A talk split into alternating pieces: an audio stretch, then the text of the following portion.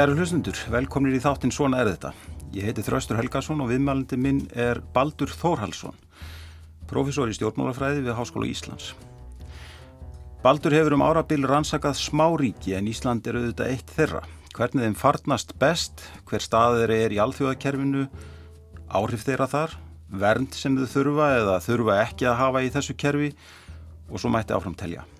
Ég ætla að ræða við Baldur um þessi efni og velta sérstaklega upp spurningum um Ísland. Er Ísland jáfnvel of lítið ríki til þess að geta spjara sig í alþjóðakerfinu? Hvernig hefur okkur farnast og hvað þurfum við að gera til að farnast betur?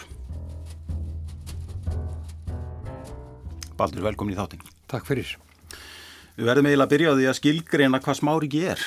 Ísland er smáriki en, en er til dæmi svíþjóð með rétt runglega 10 miljónir íbúa líka smáriki. Já, Svíþjóður yfirleitt talið til smarri ríkja, þó að kannski allir svíja sig ekki sem vil ég kannski ekki samþykja það, Nei. en yfirleitt er talað um öll Norðurlöndin sem smá ríki eða smarri ríki og þá eru verið að bera þau saman við stóru ríkin í Evrópu eins og Þískaland, Bretland, Frakland, Ítalíu og, og Spán. Já. Og þetta runni fer allt eftir samaburðunum og það sem mikilvægst er að gera þegar við erum að fjalla um kannski bara ríki í heiminum almennt og bera þau saman er hvaða starðir eru við að bera saman. Sko Þís, Svíþjóð er stort miða við, við Ísland ef við berum það saman en leiðu við fyrir að spera Svíþjóð við Þískaland þá sjáum við hver risin er og hver er dvergurinn. Já, akkurat. Ég mitt. Hvað, eru smáríki mörg í heiminum eða hvað- hversu mörg eru þessi ríki sem að falla undir þessa skilgreiningu? Já það er sko oft talað Og eru um að- mörgin dregin á einhverjum ákveðnum stað? Eða? Nei, það er frekar bara þessi, þessi, sa- þessi samanburður. Já. Men, menn svo setja menn töluna mjög á mismjöndi stað, staði en yfirleitt í alþjóðastjórnmálum þá að tala um að ríki með þetta tíu, undir 10-15 miljónir íbúa, þau séu þá lítil, önnur séu, séu, séu stór. En svo fer þetta svo allt eftir því sko, hvaða til þessum málaflokka þú ert, að- ert að skoða. Ert þú til þess að skoða Ísland inn í Atlasafsbandalæginu sem við hefum ekki einu sinni með her eða eru við að skoða Ísland þegar kemur að samninga við erum í sjávarútugsmálum þar sem Ísland fyrir miklu frekar hefur Já.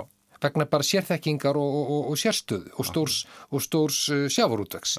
Þannig að, að þetta fer allt eftir samanbyrðun og hvaða mál við erum að skoða og í hvað samingi við skoðum hlutina. Einmitt. En ef þetta eru 10-15 miljónir þá, þá er það nú ansi mörg ríki sem í raun og veru, það er meiri hluti í aðeldaríkja saminuð þjóðana Já. sem það- sem, þau eru tæplega, þau eru tæplega 200 já, og þetta er þá megin, megin þorri þeirra svona 110-120 20 ríki. já.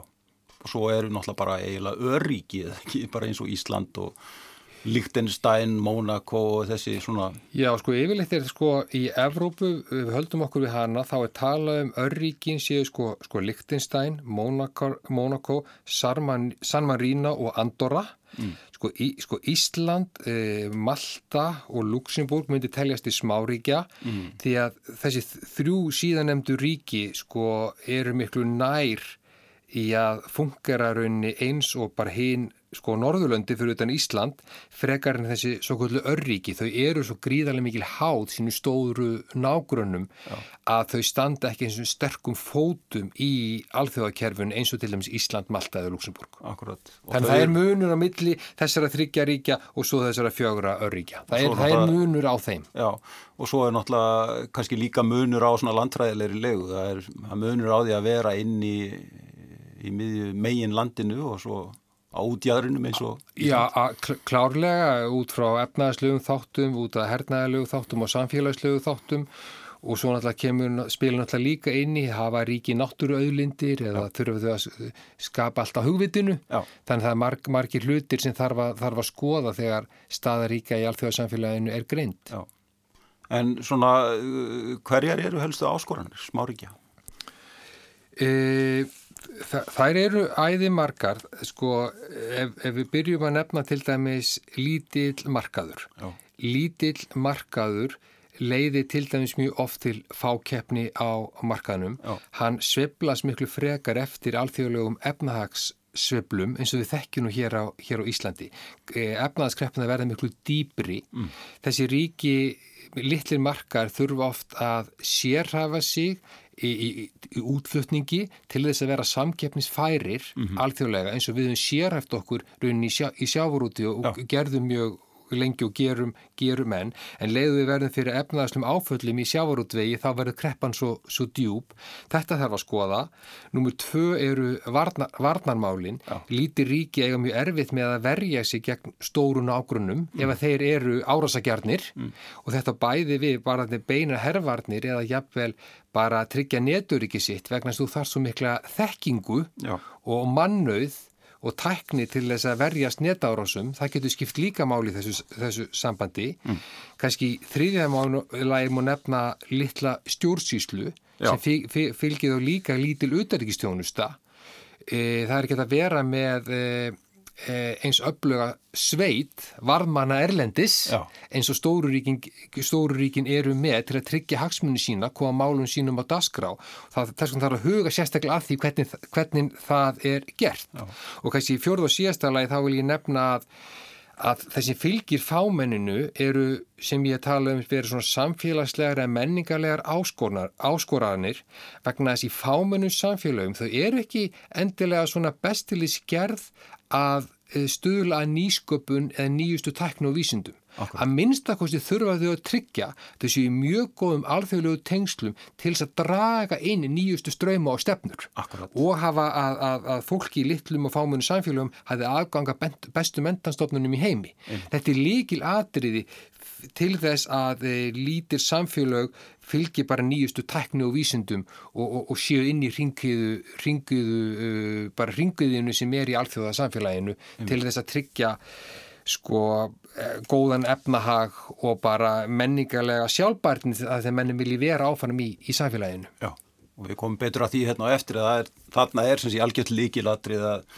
smáringi séu góður í samvinnu, alþjóðleiri samvinnu. Já, já kannski, líka þessi benda, benda, benda líka til viðbúta við þetta sem nýjustu rannsóknir er að sína. Það stundu verið haldið fram að það sé svona sterkara líðræði í smáríkjum vegna þess að það sé svo lítil samfélag og betri yfirsín en það sem nýjustu rannsóknir er að sína fram á að í ríkjum undir eina miljónir íbúa mm. meðalans og Íslandi að þá er svo hætta sko á fyrirgreyslu og frænthygglni e, e, vegna smæðarinnar, vegna þess hvað eru fáið sem koma ákvarðanutökunni að þetta getur reitt til þess að líðræði sé ekki rauninni e, einst, e, stendur ekki einn sterkum fótum eins og í stærri samfélögum. Akkurat. Þannig að þessu þarf líka að huga. Já, akkurat.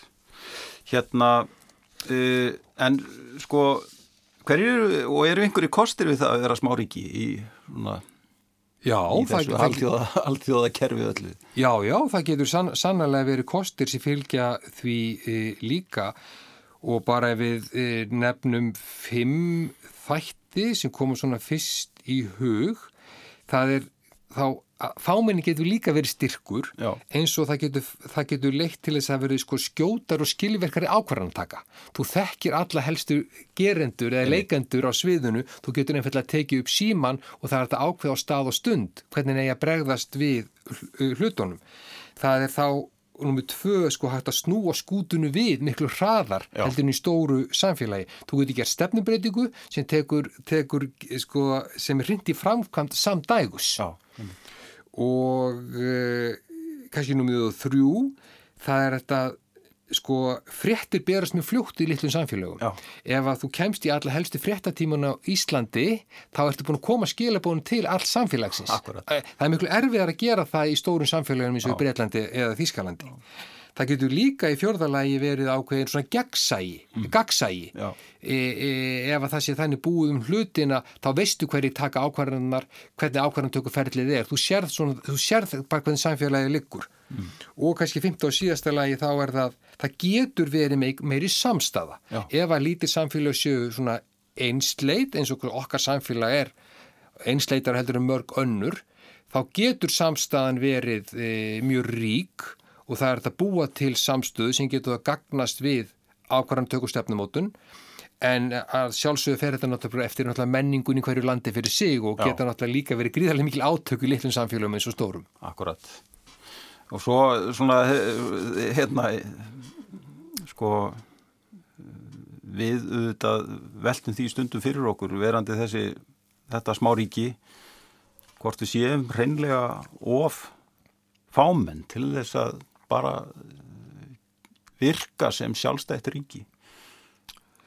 Sko því nú oft haldið fram þegar sko litlu nýlenduríkin mm. voru að fá sjálfstæði hérna á eftirstýrsárunum að þau end, einfallega of lítil og veikburða til þess að vera, vera sjálfstæð og en ég held nú að mörg þeirra sem og Ísland og önnu lítil ríki í Evrópu hafa sínt fram á að þau, þau eru fullfær um að vera sjálfstæð og bjóða upp borgunum sínum upp á uh, jafngóð kjör og jafngóða bara aðstöðu eða, eða já, eins og stór ríki gera en það þarf að huga ákveðinu þáttum miklu uh, og, og sérstaklega í litlum samfélögum vegna þess sem ég nefndi upphafi að lítil ríki geta átti á því hættu að verða fyrir, fyrir ef að áfall rýður á, það getur orðið svo djúft sko mm. efnaðslegt eða tengt var, varnar, varnarmálum. Akkurat.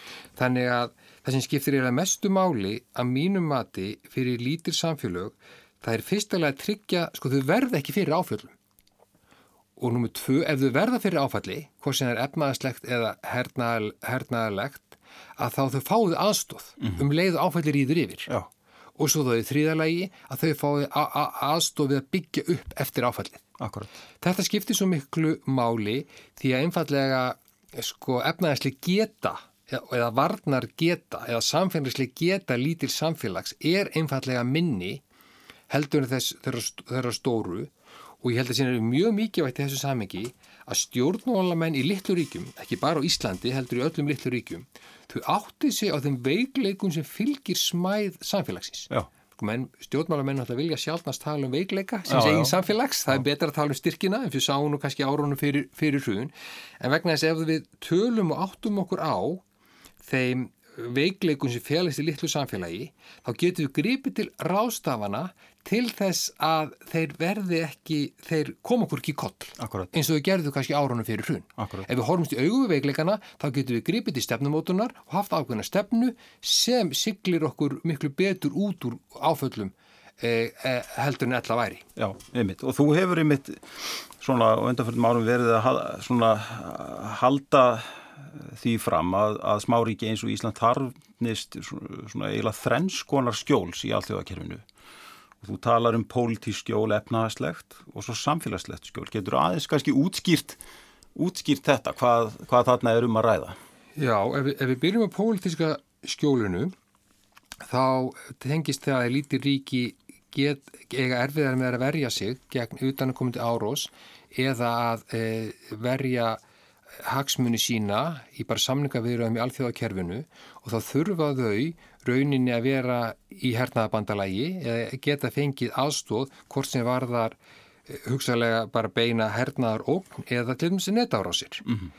Þau þurfa líka geta þurft á diplomatískri aðstóð að halda vinnvettra ríkja til þess að koma málum áfram í alþjóðsamfélaginum, í alþjóðstofnunum. Mm. Það mhm. gerist ekkit án bandalaga. Mm. Sko bandarækjum en Þískanland getur djöblast í alþjóðstofnunum eins og þau vilja og ná sínu fram. Sko Ísland gerir það ekki. Ísland, Ísland þarf á bandalögum og aðstóð að halda til þess að ná sínu fram. Mm.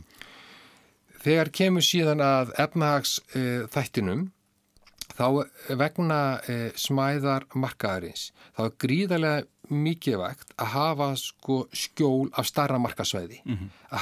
að stakka markaðin eins og við höfum til dæmis gert með aðeld okkar evróska efnaðasvæðinu mm -hmm. Þa, það, skiptir, það skiptir sköpun að lítir samfélag geti haft fengið aðstóð efnaðaslega aðstóð frá ríki eða alþjóðastofnum þegar eitthvað á bjátar mm -hmm. eins og til dæmis við fengum frá alþjóða gældir í sjónum e, á tímum, tímum runnsins. Það er líka talað um það að eiga aðganga starra myndsvæði, getur, það getur fælið skjól, skjól í því, fá uh, sko uh, lán á hagstæðum, hagstæðum kjörum og greinan aðganga að, að mörguðum eins og til dæmis að gera fríverslunarsamninga mm -hmm. í þessu, þessu fæl skjól. Í, í þrýðarlagi sem hún nefnir sem er samfélagslega skjólið sem er ekki síðu mikilvægt heldur því efnaðslega og pólitíska og það fælst e, í því að það er gríðarlega mikilvægt eins og fyrir okkur hér á Íslandi að við séum meðvitum um það að nýjustu ströymar og stefnur, nýjustu taknu og vísindi, þau koma ekki sjálfkaru inn, inn í landið. Mm -hmm. Við verðum að leita leiða til þess að tryggja að, e, e, að nýjustu ströymar og stefnur, nýjustu taknu og vísindi ná inn fyrir landsteinuna. Því ef þau gera það ekki, þá verðum við eftirbátar. Mm -hmm. Þá getum við ekki í framtíðinu bóðið sko ungu kynslaðun upp á sambari lífskjör mm -hmm. og þekkis í stóruríkjónum. Þannig að aðgangur að erlendu mentastofnunum er grundaður aðrið fyrir lítið samfélag. Mm. Því þau einfallega get ekki haft sko e, á öllum sviðum sko bestu háskólana eða bestu tekniskólana sem, sem völ, völ eru á. Uh, og í þessu sammingi til dæmis hefur skipt gríðarlega miklu máli, kannski við komum betur en eftir aðgangur okkar að mentakerfinu á Norðurlöndunum mm -hmm. uh, menta, mentastofnunum í, í Evrópu og uh, rannsóknunum og nýsköpunarstyrkjum Evrópusambatsins. Ég veit ekki hvað er Íslands vísist að samfélag væri mm -hmm. án, án þeirra. Mm -hmm. Þannig að þetta, þessi sko samfélagslega skjól sem við njótum að Norðurlandarsamvinnunni og þá aðild okkar Evróska efnaðsvæðinu skiptir sköpum fyrir lítil samfélag. Þarna og, og ef við skoðum bara það sem að Ísland hefur raun og veru gert í svona bara síðustu hundra árin eða svo í þessu samingi þá, þá til dæmis bara eins og aðald okkar NATO og, og, og hérna eh, og sambandi við bandaríkin frá því við má eftir síðan sko setna stríðið skiptuðu þetta sköpum vantarlega fyrir okkur eh, um svona þetta pólitíska hérna, samband. Já, það er vel svo gaman að velta fyrir sér. Sko fyrir hluta aldarinnar uh, snerist uh, allt meir og minnum það hjá íslensku stjórnmálamönnum að skilja okkur frá dönum. Mm -hmm. sem er náttúrulega gengur upp með sko, sko, heimastjórninni, fullveldinu og svo náttúrulega lífveldinu. En úr leiðrauninni sko, og, og lífveldið er tryggt og búið að setja það að fót, þá náttúrulega áttuðu stjórnmálamennin sínd á því og vissu það alltaf all, all, all, fyrir að þeir gæti landi gæti ekki staðið eitt og sér mm -hmm. Þa, það er hluta einhverju starra, starra samhengi og, og, og sko, sko bleki á stofnu lífveldisins sem við segjum svo ekki fyrir þotnað ef við erum komin í skjól bandaríkjana. Akkurat. Sko ekki bara sko pólitísk varnarlega heldur ekki síður efnaðslega mm. sem skiptir sköpum fyrir efnaðslu uppbyggingu á landinu mm. því að við stóðum ekkit mjög styrkum fótum efnaðslega á fyrir hluta síðustu aldar. Mm. Við mjög, þurftum mjög mikið á þessum stuðningi bandaríkjamanna að halda sem við fengum og þetta er náttúrulega sko raunin með mörg lítil ríki mm. að þau njóta góðs að samstarfi við starri ríki meðan þeir koma undir sér fótunum mm. og það var það sem við nutum sko fór bandaríkjunum eftir strísárunum en það er líka algjörlega vannmeti allir svo stuðningur sem við fengum frá dönum á millistrísárunum ja. tóðu sem orðin fullvalda þá sko voru það dani sem aðstóð okkur við gerði viðskiptarsamninga tryggðu að við gætum flutt út vörur á millistrísárunum mm. og, og svo framvegis ja. þannig að það skiptir líka málið svo, svo það gleymist ekki ja. í þessu, þessu, þessu samingi þannig að við föllum algjörlega inn í þessa mynd af eftir, á eftirstrísi árunum það sé lítil ríki e, sko e, fer í nái samstarf við stórveldið, bandaríkinn sem tryggir sko efnaðslega og pólitiska stöðus. Einmitt. En samfélagslega þá eru við, þá, það er talað um það að þarna hefjist ný sjálfstæðisparta því að það er svona menningarlega áhrif og samfélagslega áhrif sem að, sem að var síðan hörð bara átt að gegn fyrir utan alltaf bara herrnáms uh, andstaðan öll sumul. Þetta skapaði eh, vissulega líka mikla tókstreitu í Já, það er ágætt að nefnilega komur inn á það því að sko þó að lítir ríki að mínu mati, sko þau þurfa á þessu sko pólitíska, efnaðslega og samfélagslega skjóli að halda. Það er alveg grundaður aðri til þess að geti, blómstrað. Þá er eru ætið kostur og gallar mm. sem fylgir það að leita, leita skjóls. Mm. Við getum til dæmis að við erum að tala um samskipti við bandaríkin að þessi greiðlega ágreiningur um tengslu við bandaríkin, hann var kostnar fyrir samfélagi. Já. Sko þessu samfélagi logaði allt í stafnan á milli Já. vegna tengslana við bandaríkin og, og keflaði eitthvað hér stöðarinnar. Mm. Og líka náttúrulega við, svo verða, verður fyrir miklu menningarlega áhrifum frá bandaríkjunum mikið deilt um þau en sam, ég, ég myndi nú halda því samt fram sko að þessi menningarlegu áhrif á bandaríkjónu þau hjálpuðu til að nútíma væða samfélagið mm. á, á, og, og færa það og svipaðan svona grunn eins og samfélagin voru í kringum okkur en þá má heln hins vegar ekki gleima því en um leiðu líka við sko, segjum formlega skili við danina þá fóru íslenski stjórnmálamenn í þann leiðangur að binda okkur við Norðurlöndin sko mjög sterkum böndum. Akkurat. Sko sérstaklega, sam, sérstaklega samfélagslega. Já. Þeir voru ekki að skilja okkur alveg að frá Norðurlöndun með Danmörku. Mhm. Og það er kannski að vegna þess hvað það urðu mikil áhrif, menningal áhrif á bandaríkjónum, þá kannski horfðu íslenski stjórnmálamenn enn meira til Norðurlandar heldur en ella Já, og, og, trygg, og taka fullan þátt í þessari Norðurlanda samvinnu sem fels meðal annars að því aðgang að mentastofnunum, aðgang að norræna velferðarkerfinu, samölu norrænu vinnumarkaði, samölu norræna sko, ferðafrelsi.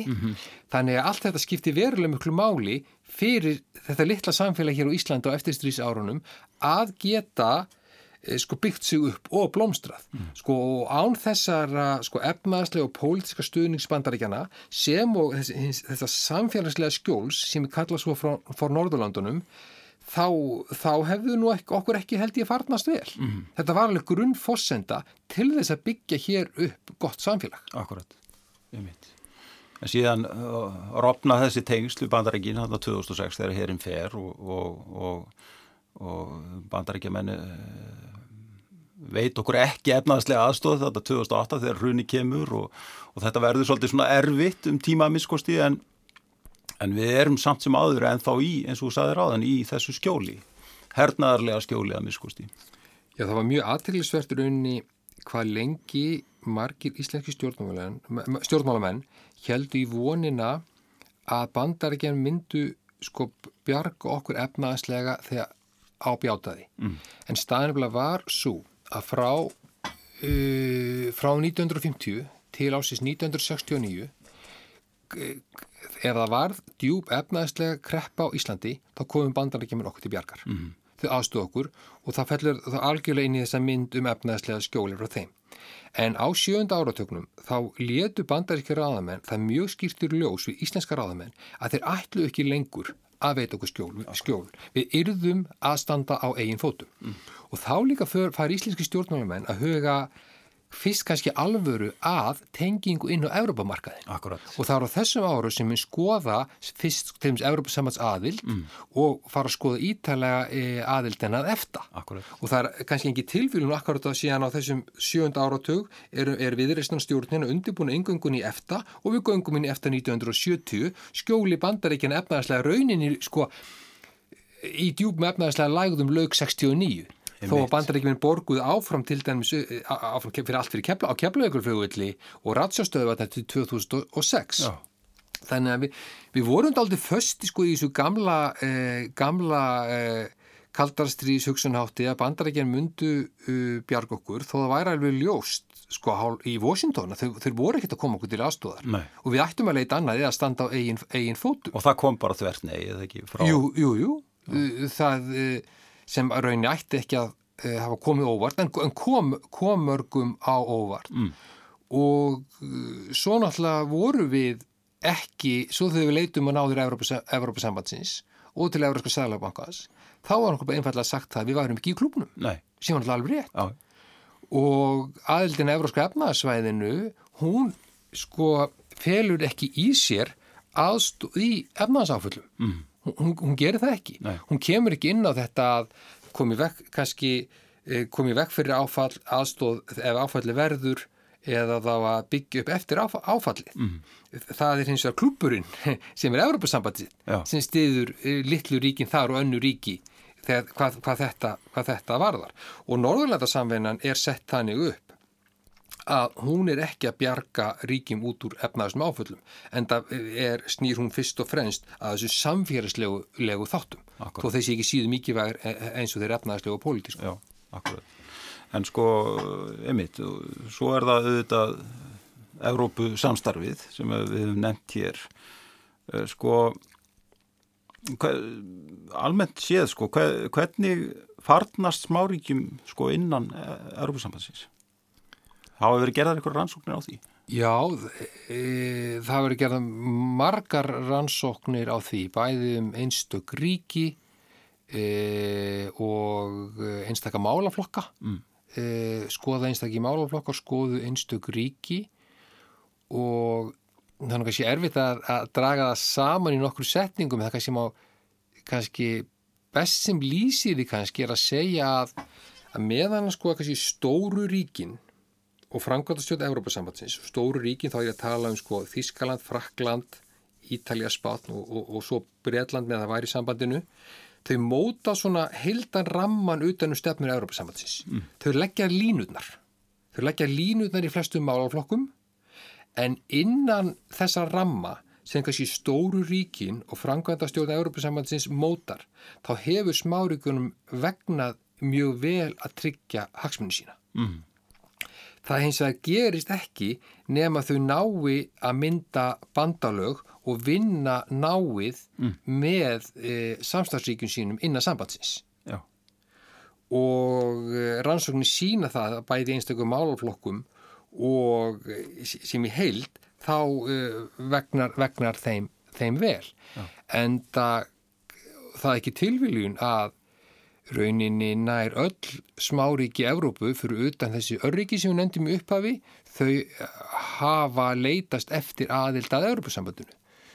Og flestöld eru innan Evrópusambandsins en svo er það einstaklega ástæðu fyrir því hvers vegna til normen eða, eða, sví, eða svislendingar eru ekki þar inni Já. og sjálfsög ekki við. Já. En hefði það til dæmis komið sér vel fyrir okkur að vera einan efna Európa-sambandsins þegar að hrunið varð? Já, þetta er náttúrulega sko stóra, stóra, stóra spurningin, sko samkvæmt eh, sko til dæmis kenningum í, í smáríkjafræðum og kenningum í skjól þá aðstóðar að vera aðili að stóru myndsvæði mm -hmm. eins og til dæmis efrunni, það dregur úr söblum á gjaldmiðlinum þegar eh, Það er aldrei erfitt eins og fyrir Ísland hvena sem við verðum fyrir efnaðislu áfalli sem tengi sko hruninu eða farsótt að, að gjaldmiðinni fellur. Mm.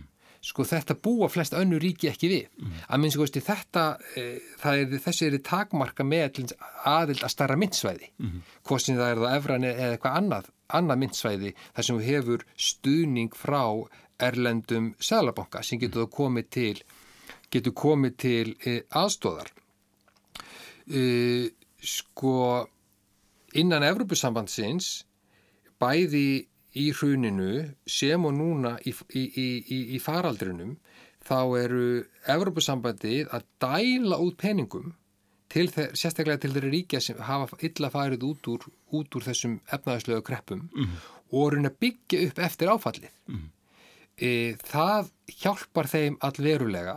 Þetta til þeim skipti sköpun fyrir Eistrasaltsríkin mm. við að byggja upp eftir efnaðast áföllin 2008-2009 mm. við rauninni ekki inn í þessu og gáttur rauninni bara að leita til allþjóða gjaldiris-sjóðsins og tekið á lán og endur gött þau og ekki er myndað inn í þessu styrkjakerfi sem aðstofa litlu lit, lit, ríkin. Mm. En ef ég skiljiði rétt sko að þá, þá erum við sem sé sko ágætlega sett við skoðum þessi þrjú atriði, þetta pólitíska skjólið, efnaðslega skjólið og svo þetta samfélagslega skjól, þá erum við ágætlega sett inn í uh, norræna samstarfnu hvað varðar svona þetta samfélagslega skjól, við erum í góðu samhengi þar og, og svo líka í, inn í európska efnaðsvæðinu Við erum ennþá í svona pólitísku skjóli eh, svona inn í NATO uh, en svo er það kannski þessi svona veikleikin er kannski ennþá þá efnaðaslegi þátturinn eða hvað? Já, það má kannski segja það eins og þetta segja sko, pólitíska skjólið er tryggt með aðaldinni af NATO og varðansamlungunum við bandaríkinn og mjög náinni diplomatískri samvinnu sko íslensku auðvitaðriksþjónustunar við sko auðvitaðriksþjónustur annara Norðurlanda mm -hmm. sem standa oft mjög uh, vel saman erlendis. Mm -hmm. þetta, skiptir mál, þetta skiptir máli og samfélagslega höfum við sko aðgang að bæði öllu þessu sem er á Norðurlanda samvinnunni sem við farið yfir en smá saman er sko sko evróska efnaðasvæðið og aðgangur að menningastofnunum þar, aðgangur að rannsóknunum nýsköpunastyrkjum og vegum Evrópusambandsins og frjálsflæði fólks innan, Evróp, innan EES er að skipta svo miklu, skip, miklu máli. Mm. Það er mjög vel, vel, vel tryggt. En í rauninni eins og þú segir, þegar við kemur að efnaðslega þættinu með efnaðslega skjólinu, þá eru við bara á sama stað og við vorum á höstugum 2008. Mm. ef að við ætlum að leita aðstóðar í alþjóðakerfinu vegna þess efnaðs áfall sem við erum að verða fyrir núna út af farsóttinni, það er það rauninni bara þá alþjóða, alþjóðlega markaðir sem við erum að taka lán eða leita til alþjóða gældirisjóðsins. Mm. Því að ennþá eru við ekki í klubnum, Evrópusambandinu, Norðurlöndin, Norðurlandarsamstarfi er ekki byggt upp með því að veita efnaðslega aðstóð og, og rauninni bandaríkin veitan, veitan ekki heldur. Mm. En hvað, sko, síðan höfum við, við höfum verið að styrkja tengsl eins og til dæmis við Asíu, við Kína til dæmis, hvaða máli skiptir það því Já, þessu öllu saman? Það er gaman að nefna þetta. Sko, ég greini íslenska auðaríkistefnu þannig, rauninni e, allt frá því að bandaríkjumenn loka herrstöðunni og yfirgefa landi 2006 og það verður alveg ljóst öllum íslensku ráðamönum að bandaríkinn kom okkur ekki til efnaðslegar ástóðar þegar á bjátar. Þá eru þeir, sko, ég veit ekki hvað því maður tala um það eins og hauslisar hænur, en sko, en sko, þeir eru sko þeir eru rauninni í örvættingu á árunum í, á hrauns árunum ja. að leita eftir alþjóðlu efnaðarslegu skjóli. Það var leitið til Rúslands til dæmis? Það var, leit, það var skoðað mögulegunar Rúslandi. Mm. Við göngum inn nýju mánuðum eftir hrun, sóttum við aðalda Európa-sambandinu. Mm. Við böngum upp á dittnar bara hvar sem við gátum að reyna að fá yngöngu en rauninni fengum, fengum rauninni hverki mm. og, og svo kannski ást, já, aðra ástöðu fyrir því að hverju gengum ekki lengra með Európusambands umsóknina þannig að sko við, ég held að íslenski stjórnmálamenn í rauninni í grunninn er þeir sammálum það að Ísland þarf á þessu pólutíska, efnaðslega og samfélagssu skjóla halda. Mm -hmm. Þeir mun ekki orðaða þannig. Nei. Því það verðist bara einfallega vegna þennar íslensku þjóðverfnin sinuðu orðræðu. Mm. Er erfið til íslenska stjórnmálum að segja séu að leita skjóls. Já, Ég leiði mér hins vegar að segja það og, og tek bara þeirri gaggrinni sem, sem kemur, kemur í, í kjölfærið. Þeir eru í grunni sammála því að við þurfum áttu skjóla að halda. En svo er mikill ágreiningur um það hvað er best að leita skjóls. Já. Er það sko í faðmi Európusambatsins, er það í faðmi Bandaríkjana eða eigum við hugsanlega að leita til Breitlands mm. eða eigum við hugsanlega að leita til, til, til, til Kína. Mm. Þannig að e, stefnumótuna ákveðinu marki hefur verið ákveðinu óljós því við höfum eiginlega verið að reyna að dreifa sko ekkjónum e, í óleikar körfur mm. Sko e, e, og reyna að fara út um allt en það er rauninni ennþá eins og vorum að nefna á það það er ekkit endilega, það er ekki, ekkit haldfast ennþá þegar kemur að þessu efnaðslega skjóli sem, sem, sem ég held uh, og minnst og kosti smári ekki að fara að segja, segja tilum mm. að við þurfum, eða lítið samfélag þarf á, þarf á að halda. Þannig að sko við hlaupum og eftir bretum vonum styrst að geta fyllt þeim um eftir heiminn og, og kjölfarið þeirra og gert fríverslunarsamninga. Mm til þess að styrkja stöðu okkar. Við gerum frívislunarsamningu í Kína, veltum fyrir okkur mjög nánu samstarfi í Kína e, en við, það verðist eins og að vera að draga daldi úr þeim áhuga hjá íslensku ráðamönnum í kjölfar gaggríni bandaríska stjórnvalda Já. á þá nálgun. Já. Þannig að kannski leifist litla uh, smáríkinu Íslandi kannski ekki alveg að gera það sem það vill í heimi alþjóðastjórnmála. Já því að náttúrulega bandaríkin eru enþá okkar staðstri pólitísku skjólsveitandi og það hefur einfallega sett að mínumætist okkur stólu fyrir dittnar þegar kemur að nánari samstarfi við Kína Amen. þegar kemur að þáttöku í belta braut og að taka inn hér kímerska teknirísa á fjarskiptamarkaðin og fleira Já. bandaríkin er búin að setja okkur stólu fyrir dittnar sem hinga ekki, ekki, ekki lengra Já. þannig að það verður og, og, og við rauninni neyðumst til þess að taka tillit til þeirra sjónamiða mm. ef við ætlum að halda áfram að nota pólitískjóls þeirra Akkurat En sko ég, maður hefur það svolítið á tilfinningunni að, að sko að, að uh, umræða um auðaringismál á Íslandi á síðustu árum hafi verið mjög ómarkvis. Hún var mjög svona, þetta bara uh, polariseruð hérna á síðustu öld og, og hún var heil mikil þá bara í kaldastriðinu og, og, og það voru mjög skýra línur Uh, síðan var nú talsur umfærð uh, umræða um uh, aðildina EES og, og svo Európsambans aðild en svona á síðustu árum er eins og bara botnin hafi dottið úr þessar umræðu. Er, er það þín tilfinning líka? Eða er það kannski bara, er, er það þannig? Þetta er ekki svona megin þráður í íslenskri pólitískur umræðu, finnst manni? Nei, kannski ekki megin þráður í henni sko almenni umræðu og fer kannski mjög líti fyrir umræðum auðarikismál á sko alþingi nema kannski sem var í, í tengslum við aðeldin Evropsku efnaðsvæðinu eða kemur allir svo kallar þriðji orkupakka það kemur að EES mm.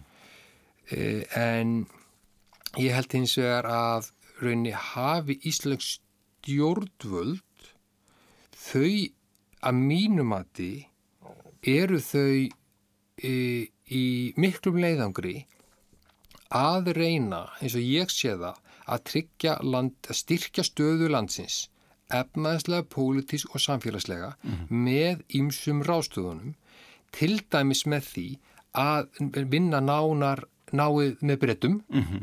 vinna nánar með kymeskum stjórnvöldum, reyna að tengja spandaríkjunum enn frekar með sko rauninni e, nánari hernaðarsamvinnu í tengslu við tvíhliða varnarsamningin sem og að gera frívíslunarsamningu í bandaríkin. Þannig það er mjög mikið raunin að gerast á vettvangi utaríkismála án þess að það kannski fari endilega hátt. Einmitt. Sko va vandin kannski er sá, e, e, sko er að hér ríkir ekki samstað eins og ég nefndi á það, það er ekki samstað um hver væri bestu hugsanlegi sko efnaðislegi skjólsveitandin. Akkurat. En ég held að við séum sammálum að við, við, við þurfum að styrkja stöðu okkar betur efnaðislega í alþjóðakerfinu og, að, og líka fá þá geta leita efnaðislega aðstóðar ef að eitthvað á bjátar. Mm -hmm. En það er bara enga meginn samstafa um það og, og það er ákveðin vandi sem fylgir því og þess vegna er, virðist þetta kannski vera svona ómarkvist og óljóst. Mm -hmm.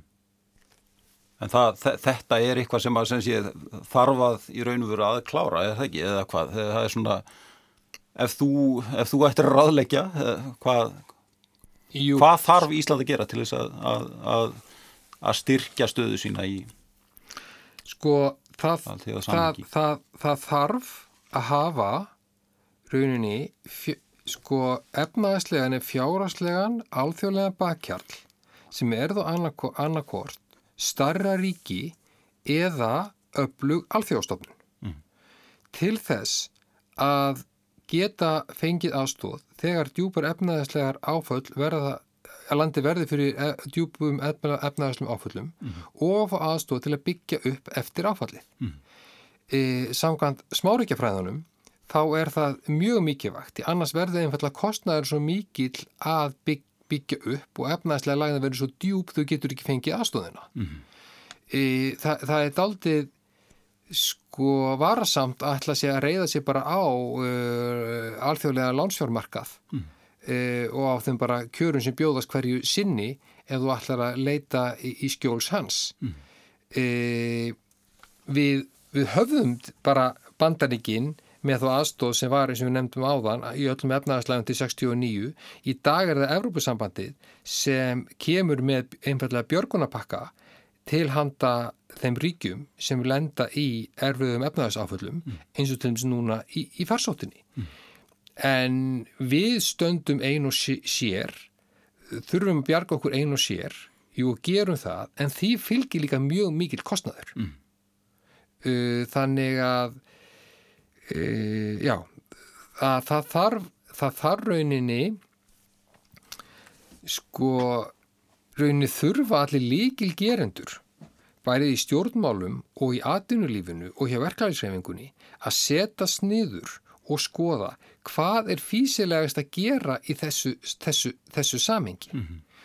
og til dæmis e, veltaði fyrir sér er það eðlilegt að í hvert einasta skipti sem við verðum fyrir efnaðaslegur, hér verður efnaðaslega lægð utan utan að koma til þáttum að e, það verður líka e, hér gjaldmélagkrísa og sem bitnar yfir þetta á vest á almunum, almunum borgurum vegna mm. þess að innflutta vörur hækka mm. meðan að e, flest e, sko, stórfyrirtæki á landinu gera upp í erlendu gjaldmili mm.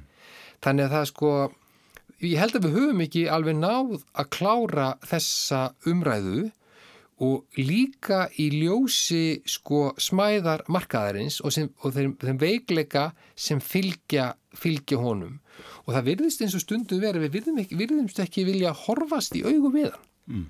sko kollega mínir í háskólanum í bæði viðskiptadeild og, og hagfræðadeild, það hafa náttúrulega sínt fram á það þessa fákeppni sem er hér á þessu litla markaði. Og auðvitað náttúrulega líður íslensku stórfyrirtækjunu voðalega vel í, í, í, í fákeppninni. Skilur þau eru ekki fyrst að stíga stokk og kreyfa spreytinga á, á, á, á kerfinu. Mm. og ef eitthvað er þá runni gaggrinu þau samkjöpseftilitið og samkjöpseftilitið mm. þannig að þarna held ég að stjórnmálumenn þurfi, e, og já, ég kannski að verkalýsreiningin, að, að, að taka, taka fórustu til þess að, til, til þess að ræða þessi mál í, í þaula og hvað er best að gera.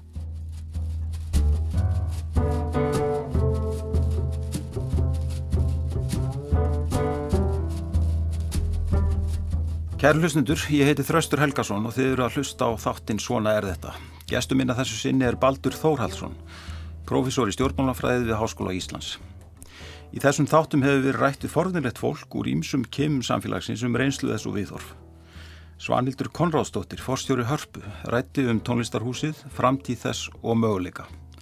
Hægt er að hlusta á svona er þetta í spilarrúf og í öllum helstu hlaðarps veitum. Ég segi framtíðinu björnt vegna þess að eigendunir, mm. sem er náttúrulega þjóðin sjálf, stendur með húsinu. Mm og, og þess vegna eh, bara er ég sannfærið um það að, að það finnist þessi lausna á misgenginu, við náum að búa til þetta jafnvægi. Og eigandurnir, og nú er ég að tala þá um í þrengri skilningi, ríki og borg vilji og muni gera það sem þarf til þess að hámarka, skulum við segja, tækifæri húsins til þess að skapa verðmæti fyrir samfélagið. Vegna þess að veist, það er það sem ég brenn fyrir. Mm í mínu starfi og í mínu hlutverki aðna. Baldur, uh, fyrir 30 árun þá lendi ég í, í matarbóði og indverskum verkfræðingi í Sviss. Við starfaði hjá uh, í einum af böngunum þær í landi og hann var mjög forvitin um Ísland og eftir því sem ég sagði hann meirað um okkur því sannfærðari var hann um að þetta bara gengi alls ekki upp. Það væri ekki hægt að reka sjálfstætt þjóðríki með 250.000 íbúa eins og við vorum þá það væri ekki hægt að reyka hagkerfi með 250.000 træðum og allar götur síðan ég átti þetta samtal við hann Vívek uh, þá hefur það setið í mér. Og, þetta eru þetta alveg eðlilegar efasendur hjá Vívek sem var uh, frá Índlandi sem er næst fjölmennasta ríki heims. Fæð okkar og smæð flækist eiginlega fyrir öllu sem við tökum okkur fyrir hendur Við erum yfirlega undir mönnuð og undir fjármögnuð þóttu höldum úti öllum þeim kerfum sem samfélag okkar, uh, samfélag þurfa að halda úti eins og helbyrðiskerfi, mentakerfi, samgöngukerfi.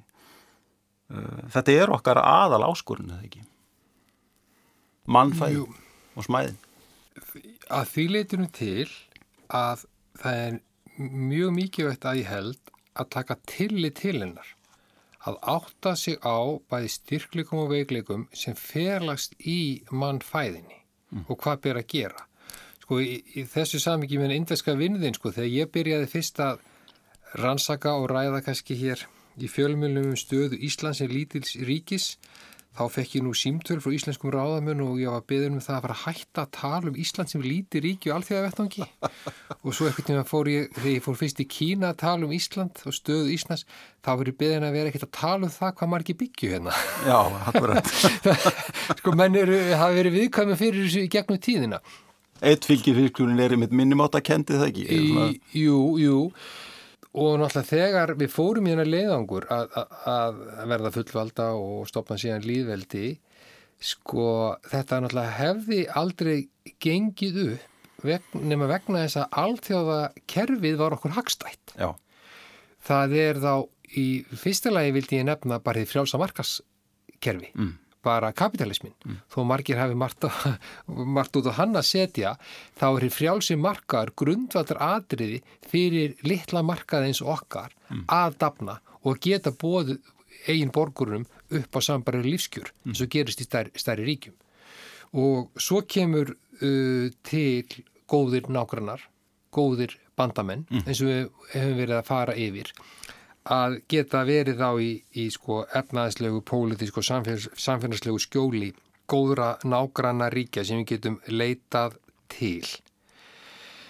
Og það sem sko það þarf, það þarf að það grundvallar þá aðri í þessu samengi fyrir íslenska ráðamenn að það er að sko tryggja það að nýjustu ströymar og stefnur berist inn fyrir landsteinana að við tökum þátt í nýsköpunarverkefnum út um allan heim sem gerur okkur klift að taka þátt í þessu sko alþjóða samfélagi, alþjóða kerfi og bara því nútíma nútíma og, og í nútíma væðingunni sem er náttúrulega stöðut að eiga sér stað. Mm -hmm. Þannig að stefnumóðunni framtíða hvað þetta varðar skiptir sköpum. Ég held hins að við höfum alveg sínt fram á það sko að við, við, við, við stöndum vel að við og þetta er alveg hægt mm. í þessu sko fáminni með þennan, þennan mannfjölda. En svo lengi sem að hið alþjóðlega umhverfi er okkur hagstætt og að við höfum góða skjólsveitendur. Eins og ég myndi sjá það. Já, en sko á þessum 30 árum síðan ég satt í þessum matabóði með honum Vívek þá, þá er eitt af því sem hefur breyst er bara að erlendu vinnuafli hefur, hefur fjölgað mjög mikið, það er 20% af vinnuaflinu hér á landi er núna erlend uh, ætlaði það ekki verið talsett undir 5% þannig að 1990 cirka sko er það eitthvað sem við ættum að gera, það er bara að opna þetta land og, og fjölga íbúum hér.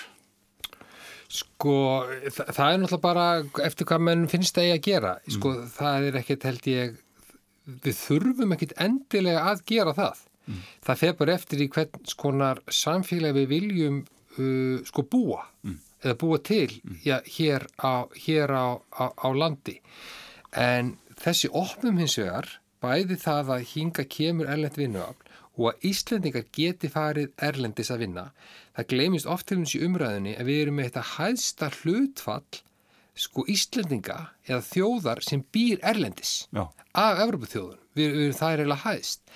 En þess, þetta, sko, þetta flæði fólks skiptir sko að mínum að þetta sköpun fyrir sko flæði nýjustu ströyma og stefna. Já, e, í, í báðar áttir mm -hmm. því svo koma Íslendingarnir útlendingarnir koma með þekkingu hinga og Íslendingarnir þau koma heim ger, ger, gera það, það, það líka mm -hmm. þannig að þetta, þetta, þetta skiptir þetta skiptir mjög miklu máli sko en ég held ég að það skipti meira máli heldur nákvæmlega sko að, að, að fjölga íbúum það er að, að við, við taknivæðust Já. að við höfum þannig efnaðslega grunn sem byggir rauninni á, á hugviti mm.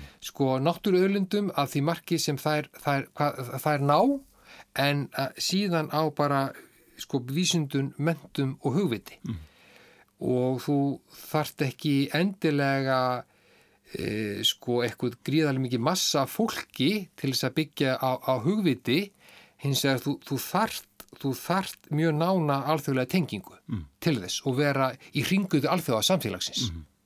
til þess að byggja í, í hakkerfi á, á, á, á nýjustu teknovísindum. Akkurat. Það er mjög, þetta, margt að gerast sko, nú, við höfum verið að tala hérna um opnun og lokun og sjálfstæði og, og, og svo framvegis og það, það hafa orðið talsverða breytingar, kannski bara rétt í lokin á síðustu árum. Þú varst að tala um uh, að Íslandingar séu að Íslands stjórnvöld séu kannski að horfa svolítið til Breitlands þau, það var Brexit Hef, hefur, hefur orðið á síðustu árum. Uh, á sama tíma sjáum við uh, þjóður eins og Skotland, Grænland hérna í kringum okkur sem er leita sjálfstæðis það eru hugmyndir upp um sjálfstæðis svona sjálfstæðis hugmyndir upp í hjá þeim. Á sama tíma finnum maður fyrir svona einhvern veginn mingandi trú á alþjóðasamvinu um, hvernig svona horfir þetta allt saman við okkur? Það horfið mér svona þannig og nú kannski mitt eru við í þannig ástandi í faraldrinum og í bólefna skortinum öllum að, að við þurfum á alþjóðasamstarfið að halda og hvernig, hvernig svona snýr sko, þetta við? Sko út sko út frá smárækjafræðunum ef maður horfir á þetta með þeim glerugum núna það sem við gerst á síðustu bara missurum og árum í Breitland og Bandaríkjónum þá er þessi tvö stórríki stórveldi Bandaríkin og stóra ríki Breitland að draga sér út úr alþjóðasaminu. Mm -hmm. Einfallega vegna þess að það er stór hluti íbúið þessara landa sem telja sig verið betur komin með því að starfa bara ein og sér mm -hmm. uh, og ná fram sínum stefnumálum betur heldur en að þurfa meila málum í alþjóðstofnunum. Mm -hmm. og, það er og það er náttúrulega staðan að stór ríki sko, geta tuttast áfram og ná sínu fram mm -hmm. uh, og þurfa ekki eins mikið á bandamönnum eða samvinnu að halda eins og þau, þau, þau litlu. Mm. Við sjáum að til dæmis varðandi sko, bólusetningar núna í, í faraldrunum uh, það er alltaf skamtur sem fluttur er út frá Breitlandi og bandaríkinu varandi bóluefni. Breitland og bandaríkin koma ekki e, sínu nánustu bandamönnum til aðstóðar mm. þegar kemur að bóluefnum. Þó að vísu bandaríkin hafa fluttu nú eitthvað, þú voru svo frittunum það þegar verður að flytja eitthvað örlítið til Mexiko og, og, og Kanada. E, sko, þessi stóru ríki er í krafti þess starða sinnar að geta dreyið sér út úr alþjóðarsamstarfi af því að þau þau vilja bara ekki vera í, í, í samfununni af því að þau ætla sér bara að hugsa um eigin hag, mm -hmm. bólu setja eigin borgara og, og aðri skipta ekki máli. Mm -hmm. Það er einfalda stefna þessar ríkstjórna. Sko, síðan hins vegar, af því hún nefndi, sko, Grænland og Skotland sem gætu vel orði sjálfstæð ríki á næstu, næstu árum, það er einmitt, sko, ráðum við þar og almenningur telur að, að þessi ríki getur orði sjálfstæð vegna uppbyggingu alþjóðakerfisins vegna þess að þessi ríki geta gengið í svæðisstofnanir eða alþjóðastofnanir þar sem við geta noti skjóls Akkurat. og þar til dæmis horfa skotarnir mjög mikið til Európa-sambandsins og Atlasafsbandalagsins mm -hmm. e, Grænlendingar hafa ekki gengið einst langt í sjálfstæðisbarátunni vegna þess að þeir hafa ekki fundið þann skjólsveitanda sem ætti að taka við hlutverki Dana. Akkurat. Í dag eru bara Dani sem veita þeim efnaðarslegt, samfélagslegt og pólitísk skjóls mm. en, en grænlendingar hafa ekki fundið þarvegin hver væri ætti að koma í staðin. Mm. En auðvitað gæti það líka orðið Evrópusambandið og Allasafs, mm. Uh, uh, bandalæði. Og hvernig sko aftur á þessum bólusetningum Við sjáum hins vegar sko í, í Evrópu og meilandi Evrópu hvernig stóru ríkin þar eins og til dæmis Þískaland og Frakland haga sér á allt annan hátt heldur en Breitland og, og Bandaríkin mm. innan Evrópusambandsins þar er samvinna um bólusetningar áttak það sem engum og sér í lægi litlu ríkin njóta góðsaf eh, sem get ekki tuttast áfram í, í kerfinu mm. sem, sem geta ekki þrýst á e, lífjaframleðendur að e, að fá e, ákveðin e, bóluefni og, og ráða för. Baldur það var gaman að fá því í þáttinn, gangið vel í rannsóknum á smárigjum áfram. Takk fyrir komina. Takk að þér. Kæri lustendur, við verðum hér aftur að viku liðni. Góða stundir.